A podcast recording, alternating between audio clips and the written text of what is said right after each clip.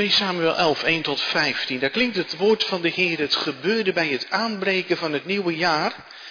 In de tijd dat de koningen ten strijde trekken, dat David Joab en zijn manschappen met hem en heel Israël erop uitstuurde. Zij richtten de Ammonieten te gronden en belegerden Rabba. David bleef echter in Jeruzalem. Tegen de avond gebeurde het dat David opstond van zijn slaapplaats en op het dak van het huis van de koning wandelde. Vanaf het dak zag hij een vrouw die zich aan het wassen was. Deze vrouw nu was heel knap om te zien. David stuurde een bode en liet naar deze vrouw vragen. En men zei, is dat niet Bathseba, de dochter van Eliam, de vrouw van Uria de Hethiet? Toen stuurde David bode en liet haar halen. Toen zij bij hem gekomen was, sliep hij met haar. Zij had zich zojuist van haar onreinheid gezuiverd. Daarna keerde zij terug naar haar huis. De vrouw werd zwanger. En daarom stuurde zij een bode en vertelde David en zei, ik ben zwanger. Toen stuurde David een bode naar Joab om te zeggen, stuur Uria de Hethiet naar mij toe. En Joab stuurde Uria naar David. Toen Uria bij hem kwam, vroeg David naar de welstand van Joab, naar de welstand van het volk en naar het verloop van de strijd. Daarna zei David tegen Uria, ga naar uw huis en was uw voeten. Toen Uria het huis van de koning uitging, werd hem een gerecht van de koning nagebracht. Maar Uria legde zich te slapen bij de ingang van het huis van de koning, bij al de manschappen van zijn heer. Hij ging niet naar zijn huis. Men vertelde David, Uria is niet naar zijn huis gegaan. Toen zei David tegen Uria, bent u niet teruggekomen van een reis? Waarom bent u niet naar huis gegaan? Uria zei tegen David, de ark en Israël en Juda verblijven in tenten. En meneer Joab en de manschappen van meneer hebben in het open veld hun kamp opgeslagen. Zou ik dan naar mijn huis gaan om te eten en te drinken, met mijn vrouw te slapen? Zo waar u leeft en uw ziel leeft, dat zal ik niet doen. Toen zei David tegen Uria, blijf ook vandaag hier, dan zal ik u morgen terugsturen.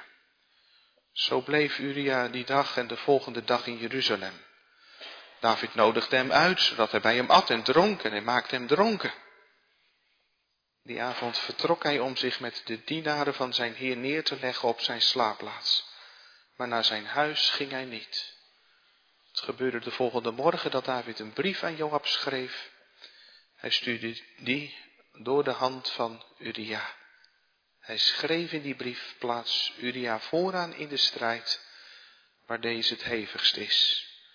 Trek dan van achter hem terug, zodat hij getroffen wordt en sterft. kerntekst voor de prediking is vers 1 van 2 Samuel 11. Het gebeurde bij het aanbreken van het nieuwe jaar, in de tijd dat de koningen ten strijde trekken, dat David Joab en zijn manschappen met hem en heel Israël erop uitstuurde. Zij richtten de Ammonieten te gronden en belegerden Rabba. David bleef echter in Jeruzalem. Jongens en meisjes, een vraag aan jullie. Wat is het verschil tussen een dierentuin en een jungle? Dat moet wel lukken, hè? Dat kun je wel zeggen, denk ik. In een dierentuin, daar zitten de dieren achter een hek, achter een glasplaat of aan de overkant van een brede sloot. Dan kun je er naar kijken, maar je hoeft er verder niet bang voor te zijn. Maar als je in de jungle loopt, dan moet je er eigenlijk rekening mee houden dat achter elke boomstam een eng dier kan zitten. Dan ben je op je hoede.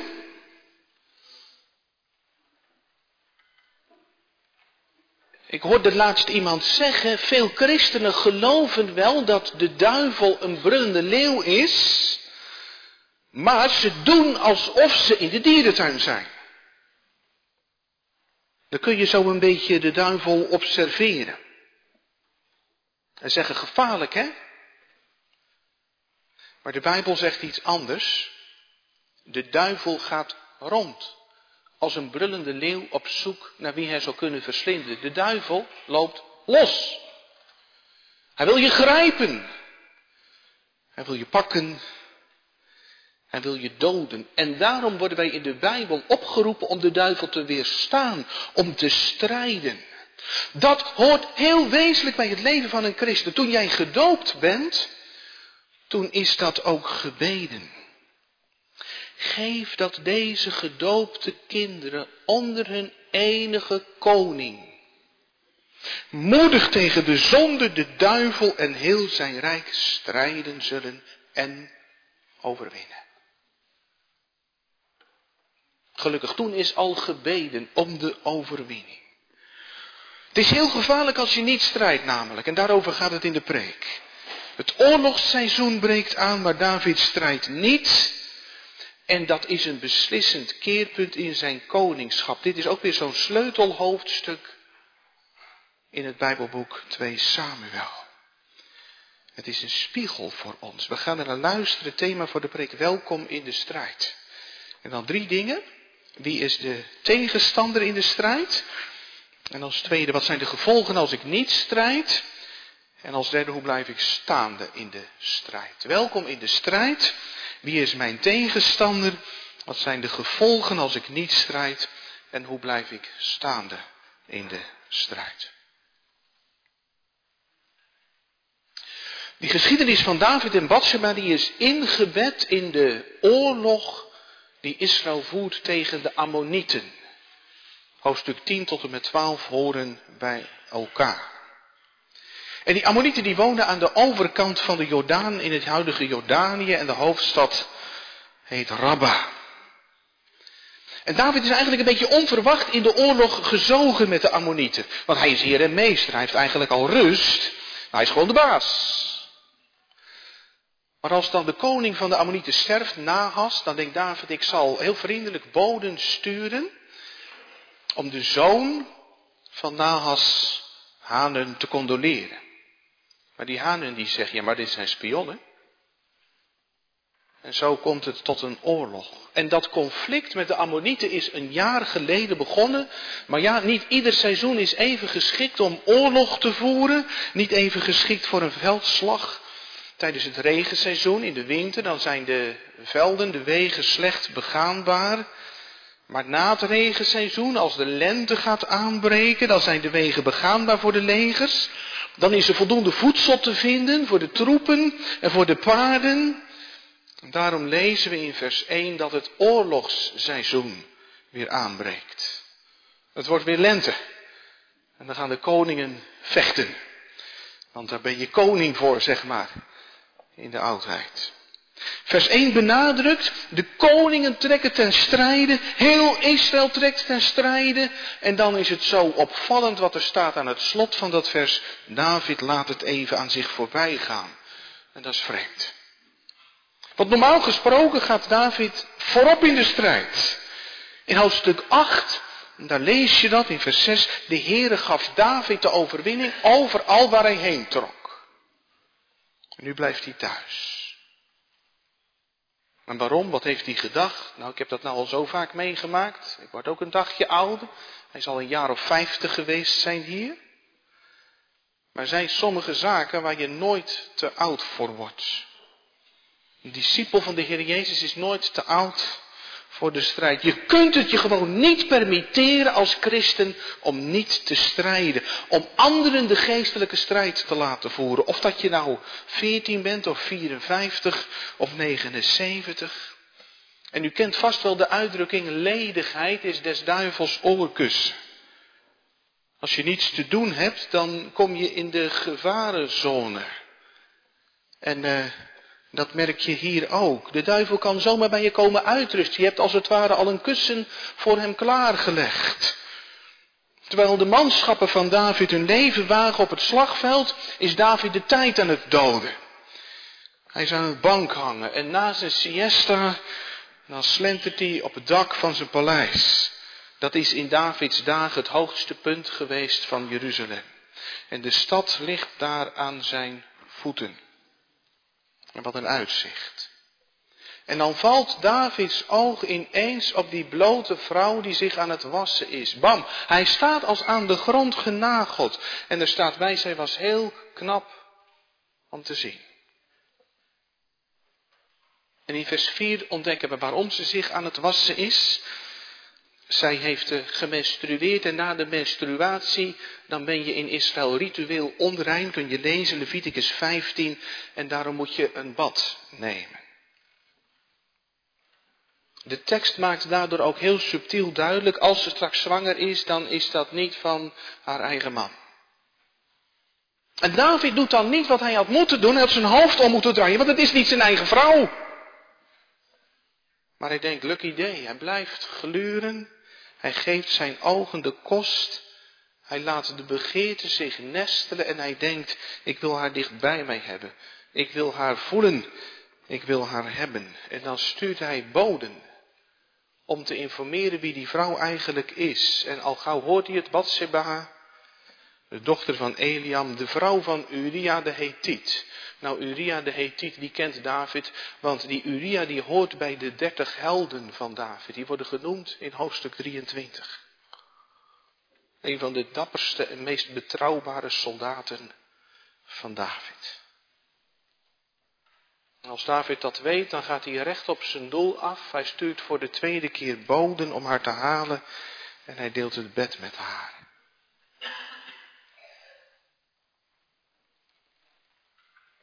En dat is de man naar Gods hart. Eigenlijk willen we dit helemaal niet weten van David.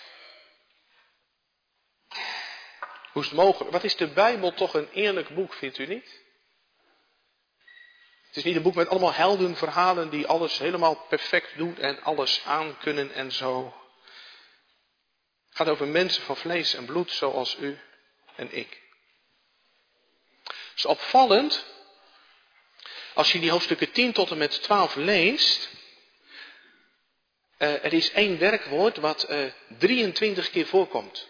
Het woordje sturen. Het is heel opvallend dat dat zo vaak voorkomt. Dat is een woord wat echt bij een koning hoort. Een koning die heeft autoriteit gekregen van God en die kan daardoor mensen aansturen. Hij stuurt boden naar Hanun om te condoleren. Hij stuurt Joab op de Ammonieten af. Uh, hij stuurt boden om te informeren wie is die vrouw. En dat woordje wat zo vaak wordt gebruikt, dat zet ons op het spoor van wat hier aan de hand is. Dit is machtsmisbruik van David. En Batseba wordt daar het slachtoffer van. De verantwoordelijkheid voor wat hier gebeurt komt helemaal voor Davids rekening. En Samuel de profeet die had ze er al voor gewaarschuwd. Jullie willen een koning, maar een koning is iemand die neemt. Hij neemt jullie zonen en hij neemt jullie dochters. David valt hier in de fout dat hij niet meer onderkoning is namens God. Dat had hij zo mooi gesymboliseerd door de ark naar Jeruzalem te halen. Hè? De troon van God. En mijn troon als het ware ernaast, want ik ben maar onderkoning onder God. Hier maakt hij misbruik van zijn macht. Hij denkt dat hij alles kan maken. En als Batseba in onze tijd had geleefd, dan had ze vast ook getwitterd, hashtag MeToo. U weet wel, sinds 2017 vooral het ene na het andere schandaal. Op heel wat plekken waar het ook over machtsverhoudingen gaat. Waar misbruik van wordt gemaakt in de sportwereld. In populaire tv-programma's zoals The Voice of Holland, Talentenjacht. Op een kinderdagverblijf. Ook in de kerk. Rooms-katholieke internaten. Of misschien las u laatst dat verhaal in de Waarheidsvriend aangrijpend. Die vrouw misbruikt ook door haar predikant. Of misschien kent u de term sexting. Het delen van uh, seksueel getinte foto's of filmpjes via de sociale media. Cijfers over hoeveel jongeren dat precies doen lopen uiteen van 16% tot 38 procent. Een onderzoek in 2015 door Quest is alweer even geleden. Misschien zijn de cijfers alweer heel anders geworden. Veel meisjes maken foto's, pikante foto's van zichzelf in situaties waarin ze kwetsbaar zijn. Een tiener bijvoorbeeld die al jaren stapel, die al een jaar stapel verliefd is op een jongen. En dan eindelijk begint hij zomaar ineens met haar te chatten. En wat doe je? Als hij dan halverwege het gesprek ineens vraagt, wil je je shirt omhoog doen voor de webcam? Of wat als je wilt horen bij een groep vrienden die wel van je eisen, dat je dan foto's of een seksfilmpje regelt van een meisje uit de klas. Blijf dan als jongere maar eens staande.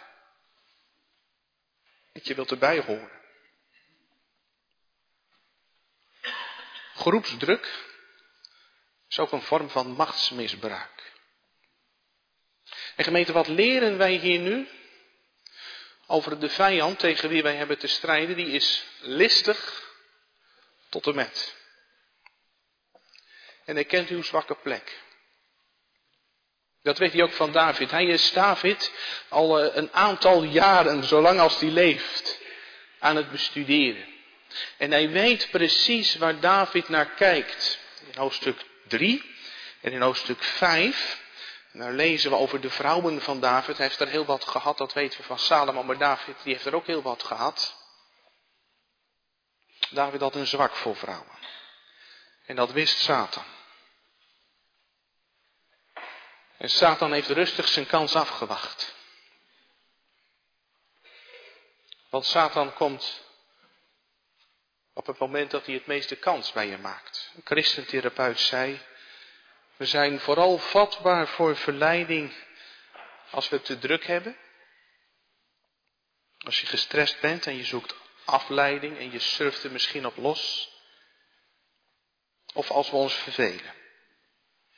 Als je niks te doen hebt, als je geen doel hebt. Als je aan het bank hangen bent, zoals David. Als christen goed omgaan met je vrije tijd is een vak apart.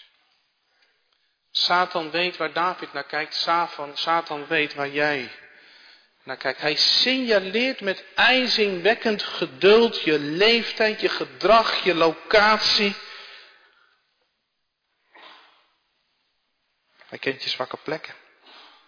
En alles wat Satan over jou weet, dat zal hij op een bepaald moment inzetten om je te laten vallen zoals hij David liet vallen. Hij heeft de tijd, hij wacht rustig. En wat een machtig instrument heeft Satan aan internet. De sociale media. David op zijn paleisdak, de stad aan zijn voeten. Jij op de moderne media, je hebt de wereld aan je voeten. Zijn die dan slecht in moderne media? Nee, het is ook niet slecht dat David een dak heeft op zijn paleis en dat hij daar wandelt. Wat een mogelijkheden hebben we door de moderne media. Verbindingen met mensen. Als je familielid in het buitenland had, dan moest je, ja, vroeger met een uh, broekzak vol met kwartjes naar de telefooncel om te bellen of zo. Is nu totaal anders. Nieuwe informatie die zich voor je opent. Ontspanning. Evangelisatiemogelijkheden. Via de moderne media in, in de meest gesloten landen. En tegelijk, we moeten niet naïef zijn. Want een steeds groter deel van ons leven speelt zich op het internet en op de moderne media af. Dat hoorde ik laatst. Weet u hoe vaak de gemiddelde Nederlander op zijn telefoon kijkt? Gemiddeld. Gemiddeld om de vier en een halve minuut. Nog vaker. Moet je nagaan. Nou, dan kun je er gerust van uitgaan dat de duivel zich daar ook ophoudt en daar gretig misbruik van maakt. En dan ontdek je dat er niet één badseba verstopt zit, maar wel tig. Uitdagende foto's, digitaal vreemd gaan, het bezoeken van pornosites, uitwisselen van naaktfoto's. Els van Dijk die zegt, er zit een anoniem erotisch pakhuis onder je toetsenbord. En nee, dit is geen leuke tijd. En de Heer heeft ons gewaarschuwd dat het laatste der dagen zwaarder zal zijn dan ooit. De drempel naar de zonde is nog nooit zo laag geweest. Seks is twee muisklikken ver. 12 procent, wist u dat? 12% van de websites op internet is gerelateerd aan pornografie. En 13 miljard omzet per jaar. En eh, wij kunnen natuurlijk niks doen aan het feit dat wij in deze tijd leven. De God heeft ons in deze tijd een plek gegeven. Maar wat is het ongelooflijk belangrijk dat wij weerbaar zijn. Antivirussoftware is niet voldoende. Ja, daarmee kun je internetfraude voorkomen, dat je geen geld wordt afgetroggeld en zo. Maar ook je ziel heeft bescherming nodig. Of je moet natuurlijk godvrezender worden van alles wat zich aandient aan je oog. Dan moet je vooral ermee doorgaan. Trouwens, het gaat natuurlijk niet alleen over het zevende gebod. Er zijn veel meer ontsporingen die kunnen ontstaan via de digitale media, internet, gokken, geweldspellen, popmuziek, radicalisering, wereldse denkbeelden, het materialisme. Of wat dacht u aan van, van, van al die tijd die opgaat? Uh, al, dat, al dat geld wat, wat, wat zomaar verdampt door de dingen waarmee bezighoudt. De ontheiliging van de dag van de Heer. De ontlezing. Het risico van verslaving. En wat is daarom toerusting ongelooflijk belangrijk. En dat je van jezelf weet, wat zijn mijn zwakke plekken?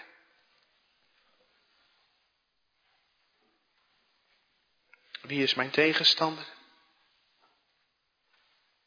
Wat zijn zijn methoden? Ik vat het even samen. Wat de duivel doet, dat is verleiden. En vooral maakt hij misbruik van seksualiteit, zoals in het leven van David ook. Bedriegen is een andere belangrijke methode van de duivel. Hij is de vader van de leugen, denk aan vorige week, de leerdienst. Hij laat ons geloven dat je leven van jou is. En dat je gelukkig wordt als je je hart volgt. Als je koopt wat je wilt hebben en als je doet wat jou leuk lijkt. De duivel laat je geloven. Leef nu.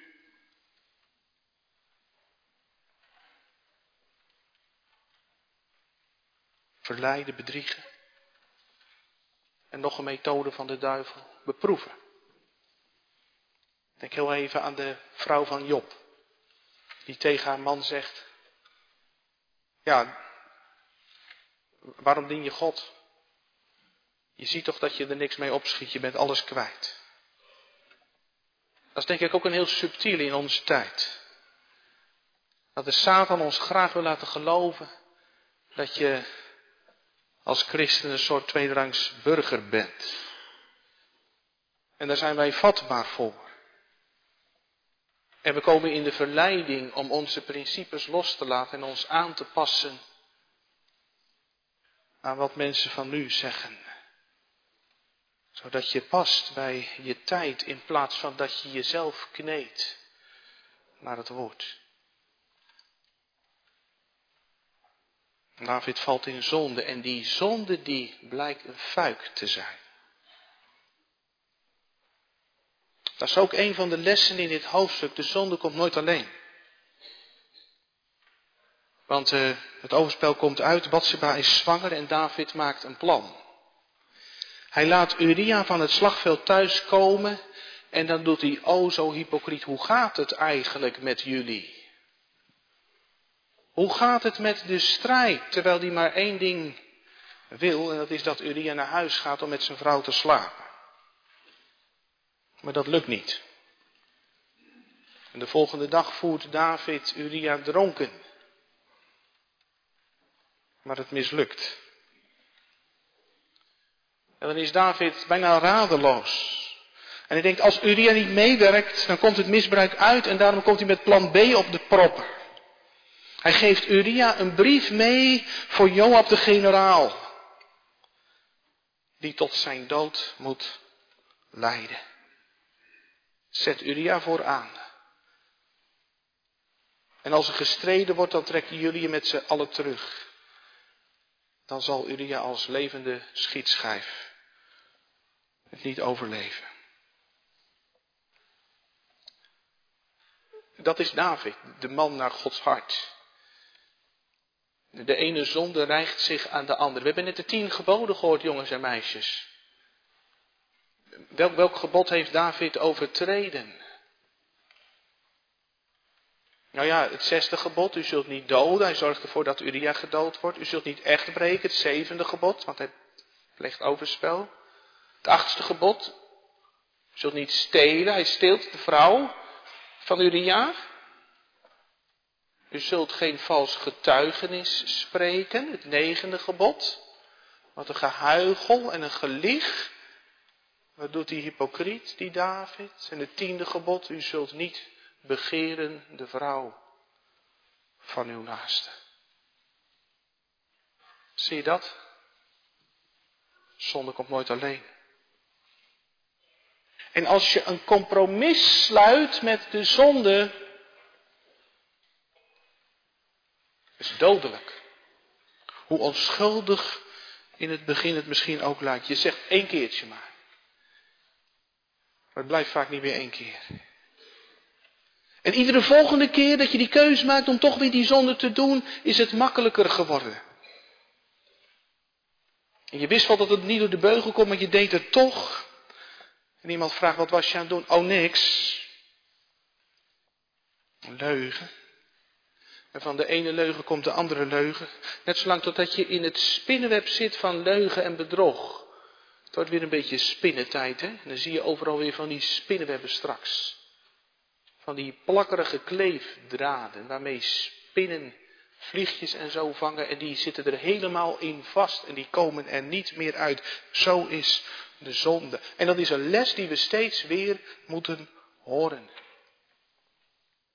De zonde komt nooit alleen. En de zonde is verwoestend.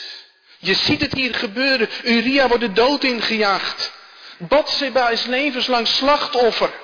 David zelf riskeert de doodstraf.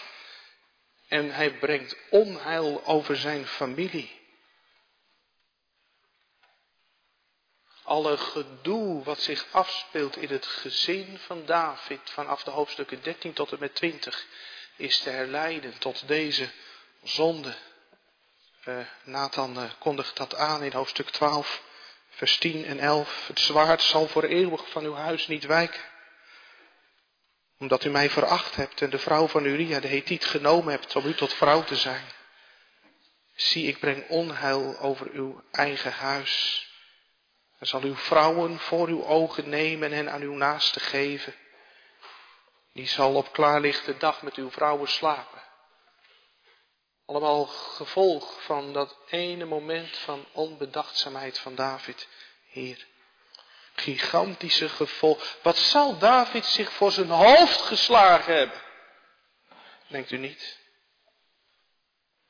Zonde heeft verwoestende gevolgen. Misschien kent u het trieste verhaal van Amanda Todd. Die 15-jarige tiener uit Canada toen ze twaalf jaar was, overgehaald door een onbekende om toples voor de webcam te verschijnen. En dat bleef haar achtervolgen, ondanks dat ze twee keer verhuisd is. En toen ze vijftien jaar was, pleegde ze zelfmoord. Of dat meisje uit de tweede klas, spijt als haren op haar hoofd, kreeg verkering, stapelverliefd, toegegeven aan alles wat haar vriendje wilde. En toen werd ze gedumpt. Een docent uit het voortgezet onderwijs op christelijke school zei tegen mij, het is nog veel erger dan jij denkt. Jongens en mannen, maar ook meiden en vrouwen die niet meer kunnen stoppen met porno kijken. De cijfers liegen er niet om. Onderzoek van, de Nederlands, van het Nederlands Dagblad in samenwerking met twee universiteiten. 70% van de christelijke mannen kijkt porno. En 20% van de christelijke vrouwen. Waardoor huwelijken en gezinnen naar het randje van de afgrond worden gebracht. Het tast je brein aan, dat wordt letterlijk kleiner. En uh, alle andere gevolgen, waardoor je gevoelloos wordt. De gevolgen voor de samenleving. Toen we voor de vakantie hebben geluisterd naar uh, Wat zegt de Bijbel over seksualiteit? Toen heb ik dat verteld, hè?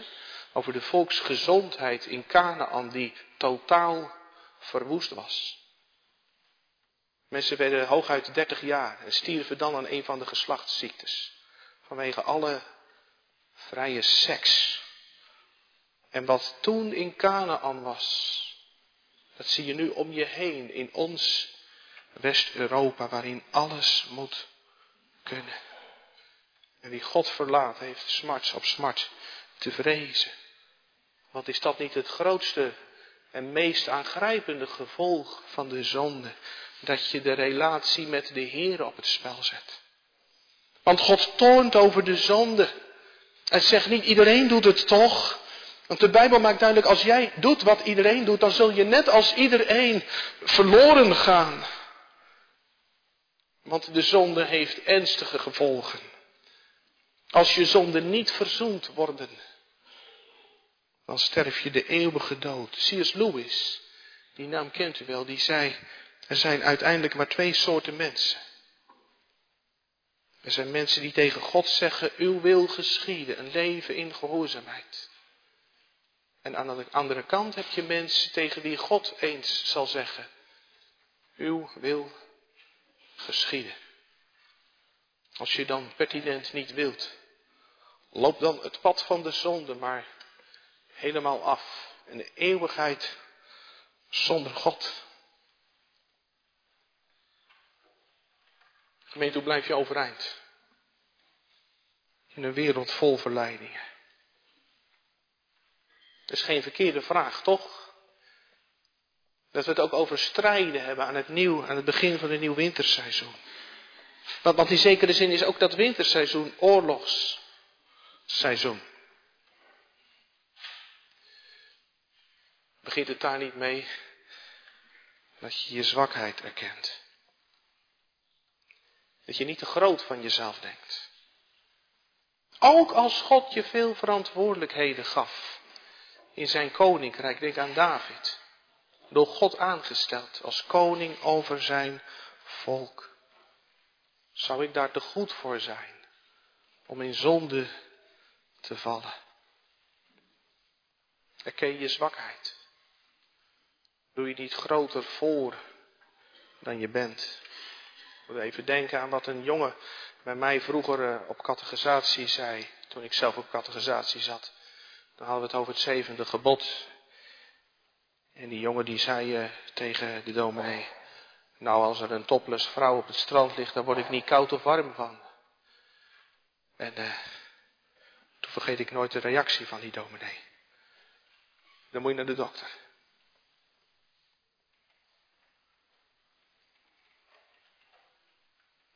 Herken je eigen zwakheid. En heb Jezus nodig. Want de geschiedenis gaat, God zij dank, verder. David is maar aan het zenden en hij doet maar en hij maakt misbruik van zijn macht. En dan gaat God ook zenden. Hij zendt Nathan met die spiegel. Omdat God niet wil dat David verloren gaat. En God gaat verder. Hij zendt in de volheid van de tijd zijn zoon. De koning. Die niet gekomen is om misbruik te maken van zijn macht, maar om te dienen. Om zijn ziel te geven tot losprijs van velen. Een koning die staande bleef. Toen hij verzocht werd door de duivel.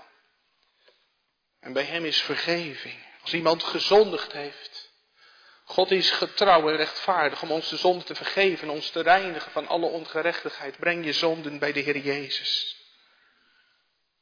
En in hem is vernieuwing, kracht om te strijden. Dat wil Jezus je geven. De Heilige Geest geeft je oog voor de schoonheid van Jezus. De schoonheid van Jezus, waar alle badseba's in deze wereld niet aan kunnen tippen of waar u ook graag naar kijkt. Misschien hebt u wel eens gehoord van de sirenen.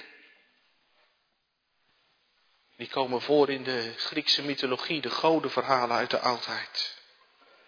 En die sirenen, dat zijn uh, halfgodinnen en die wonen op drie kleine rotseilandjes.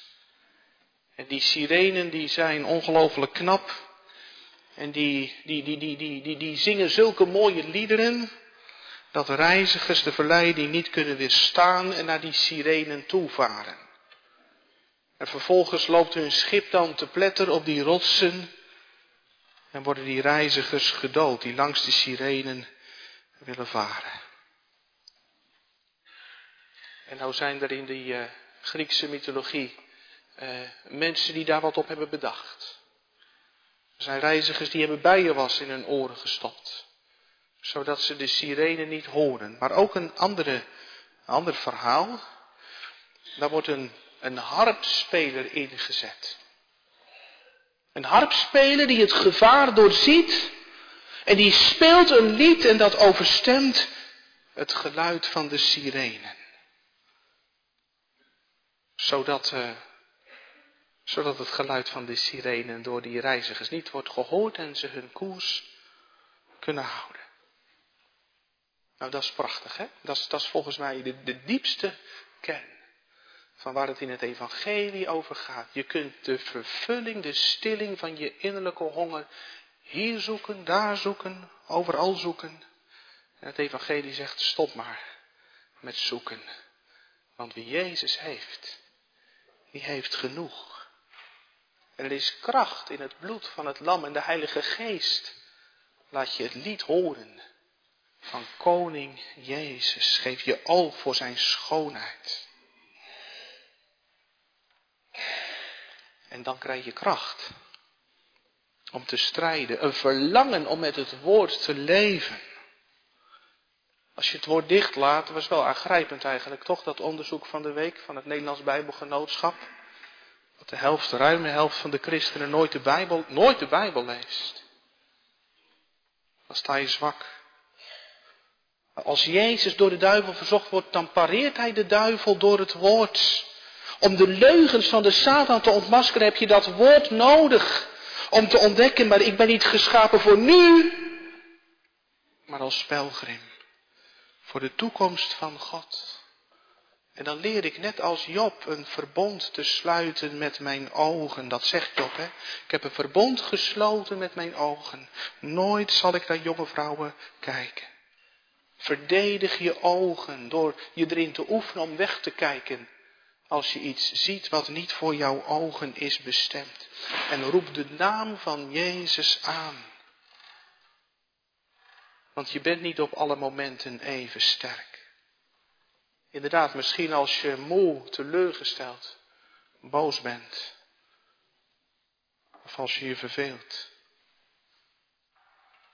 Want onthoud, als je de wereld verkiest boven Jezus, dan blijft je hart eeuwig leeg. En dat is je eigen schuld. Maar vandaag komt in het woord de Heilige Geest voorbij. Om je in de spiegel te laten kijken. En vooral om je Jezus te laten zien. Heb je de Heer Jezus gezien? Bid dat. Open mijn ogen. Dat ik aanschouw de wonderen van uw wet. Heere, open mijn ogen. Jezus, die het je toeroept, kom herwaarts tot mij. Alle die vermoeid en belast zijn, en ik geef je rust. En dan zo onze weg vervolgen. Welkom in de strijd. Zo de koning tegemoet. Daar zal ik mijn heren ontmoeten. Hij laat van mij uw heilige geest niet scheiden. Dat zongen we. Even te denken aan de, die jongen die porno verslaafd was. En die het in het licht bracht. Dat hij ervan af wilde. Hij vertelde het ook aan zijn vriendin. Alle eerlijkheid. Om samen te kunnen strijden. En in hun trouwdienst had hij gevraagd of de organist na de dienst wilde spelen. Ik bouw op u. Mijn schild en mijn verlosser. Niet eenzaam ga ik op de vijand aan. Sterk in uw kracht. Gerust in uw bescherming. Ik bouw op u. En ga in uw naam. Amen.